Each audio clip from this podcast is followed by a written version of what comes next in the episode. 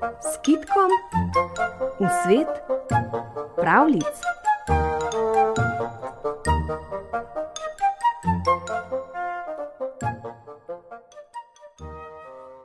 Tovčejo mu zvonci, kruh pasu, rogata glava kima, izpod štrlečega nosu in brkov mu dolg hrdeč jezik opleta, kakor bi še malo prej skupaj s peklinški kuril peč. Grozeče tih je kosmati orjak, kar naprej poskakuje, poplesuje. Zadnje zimske in prve spomladanske sape mu mršijo pisane trakove in rože iz papirja na strašni glavi mu drhtijo v vetru. Glun, glun, glun, čez polje odzvanja. To je kurent, ki zimo odganja. Od zdavnaj že v pustem času po zemlji razgraja, v ovčjo kožo odet in s kravimi zvonci opasan, v roki pa je ježevka. Nihče ne ve, odkot prihaja in kam gre. Na pomlad se prikaže in potem spet izgine. Stara pravljica pa pripoveduje, v davnih časih, ko je bilo še toliko dreves, da so v gozdovih živeli škratje in vile, je bil kurent siroten fantič. Pomrli so mu starši in reveža je pod streho vzel stric, pa je stricu kljuboval in ta ga je nagnal. In kurent je postal pastir pri bogatem kmetu. Sedem dolgih let je pasel živino in si prislužil sedem belih vinarjev in suknico. Z vinari in suknico je odšel po svetu in spotoma veselo upil. Sedem let sem služil, zdaj imam sedem belih vinarjev in suknico.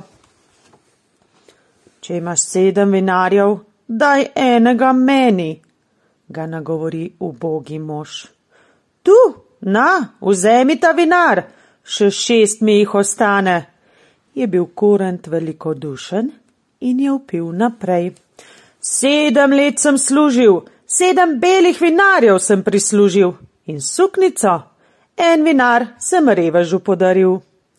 Vsi so se veselili, kurent in berači, drug za drugim so prihajali k njemu in kurent jim je razdelil vinarje, ki jih je prislužil v sedmih letih.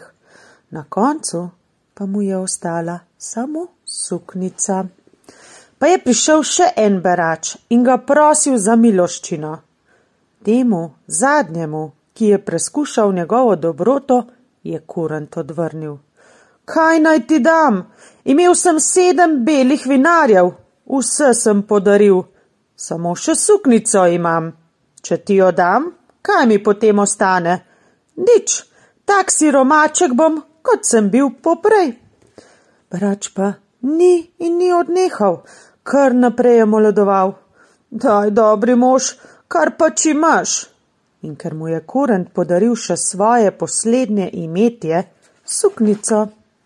Perač se je zelo razveselil in rekel kurentu: Ha, zdaj si pa ti, ki si tako dobrega srca, poželi karkoli hočeš. Daj! Kurent se je od srca zasmejal, kako neki bi takle revež, ki sam nima nič, obdaroval. Pomežiknil je in bolj za šalo rekel pa mi dajte goslice, da bo zaplesal vsak, kdo jih bo slišal, in tako puško, ki ne bo nikoli zgrešila, in soček, ki ne bo nikoli prazen. Hej, kako je koren debelo pogledal, ko je berač tisti trenutek izginil, za njim pa so ostale goslice, puška in soček.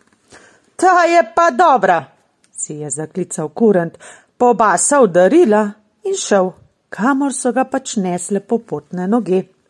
Kmalu je srečal žensko, ki je v košu nesla jajca v mesto. Poprosil jo je za jajce, ženska pa ga je ozmerjala z beračem. Ni ostal dolžan, pri priči je zagodel na svoje goslice in ženska je zaplesala da je razbila vsa jajca. Potem jo je mahnil naprej proti mestu, kar sreča gospoda, ki je streljal velikega ptiča. Ho, ho, ho, gospod, vas je kaj sram, ko nič ne zadenete? se je kurant ponorčeval. Imenitnež se je razjezil in nadrl kuranta. Pa ga ti ustreli, tepec! Če ga zadaneš, grem nahpon, naj pade kamorkoli. Kurant si ne da dvakrat reči, še pomeri nenatančno, ustreli in ptič pade na sredo robidovega grma. Kurant ves vesel zaupije. Hej, hoj, gospod moj, ste mož beseda? Lepon, lepon. Ojej, Kakšna sramota, če bi se goli gospod med drobidje zapletel. Zato je raje kurentu ponudil denar, ga rotil in prosil, da mu ne bi bilo treba v tisto trnje. Tudi kurent je ostal neizprosen. Gospod se je na zadnje le moral sleči in potem hajt, previdno, gov in bos med trnje. Kurent ni trpel ohole gospode, za nalašč je zato zaigral še na goslice, da je gospod zatacal po robidoju in se do krvi opraskal.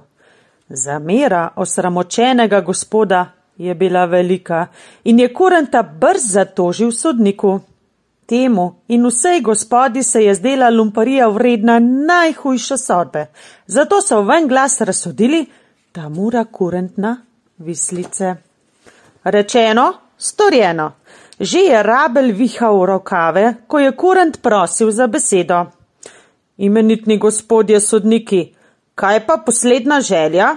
Ali ni pri vas v navadi? Moja zdajle ni velika, samo na goslice bi rad če zaigral, preden umrem. Tako je govoril kurent in prav milo gledal naokoli. Gospod ki je še malo prej plesal sredi robidovja, je vedel, kaj to pomeni in je začel upiti. Ne, ne dajte mu goslic, vsi bomo plesali, joj, kako bomo plesali. Sodniki so zamahnili z roko, pa kaj potem, bomo pa plesali, komor se bo ljubilo. Kurent je zagodel in pri priči je res zaplesalo vse mesto, sodniki vred. To je bilo glasno in špasno. Vzdignil se je tak hrup, da jo je kurent lahko spet mirno ucvrl v širni svet. Prav nikomor ni padlo v glavo, da bi ga lovil. Kurent pa je spet hodil križem po svetu, dokler se ni vsega naveličal. Soček, ki je bil zmeraj poven, si je tisto uro zadal na ramo in se napotil v nebesa. Najprej sta se poveselila z nebeškim vratarjem, potem pa je smuknil pred božje obličje, da bi za svoje grehe odgovor dajal. Ampak saj so vsi poznali njegovo veselo in dobrotno srce. Nihče ga ni nič vprašal, zaprli so ga v čebeli panj in ga postavili na mesec. Tam se ga zares lepo vidi, kadar je noč jasna. Tiste črne pike v luni, to je kurent, ki počiva a vsako leto od svečnice do popelnice se kurent v ovčjem kožuhu, opasan s kravimi zvonci in z ježovko v roki, požene čez polja. Glun, glun, glun, takrat podeželi odzvanja, tako kurent zimo preganja.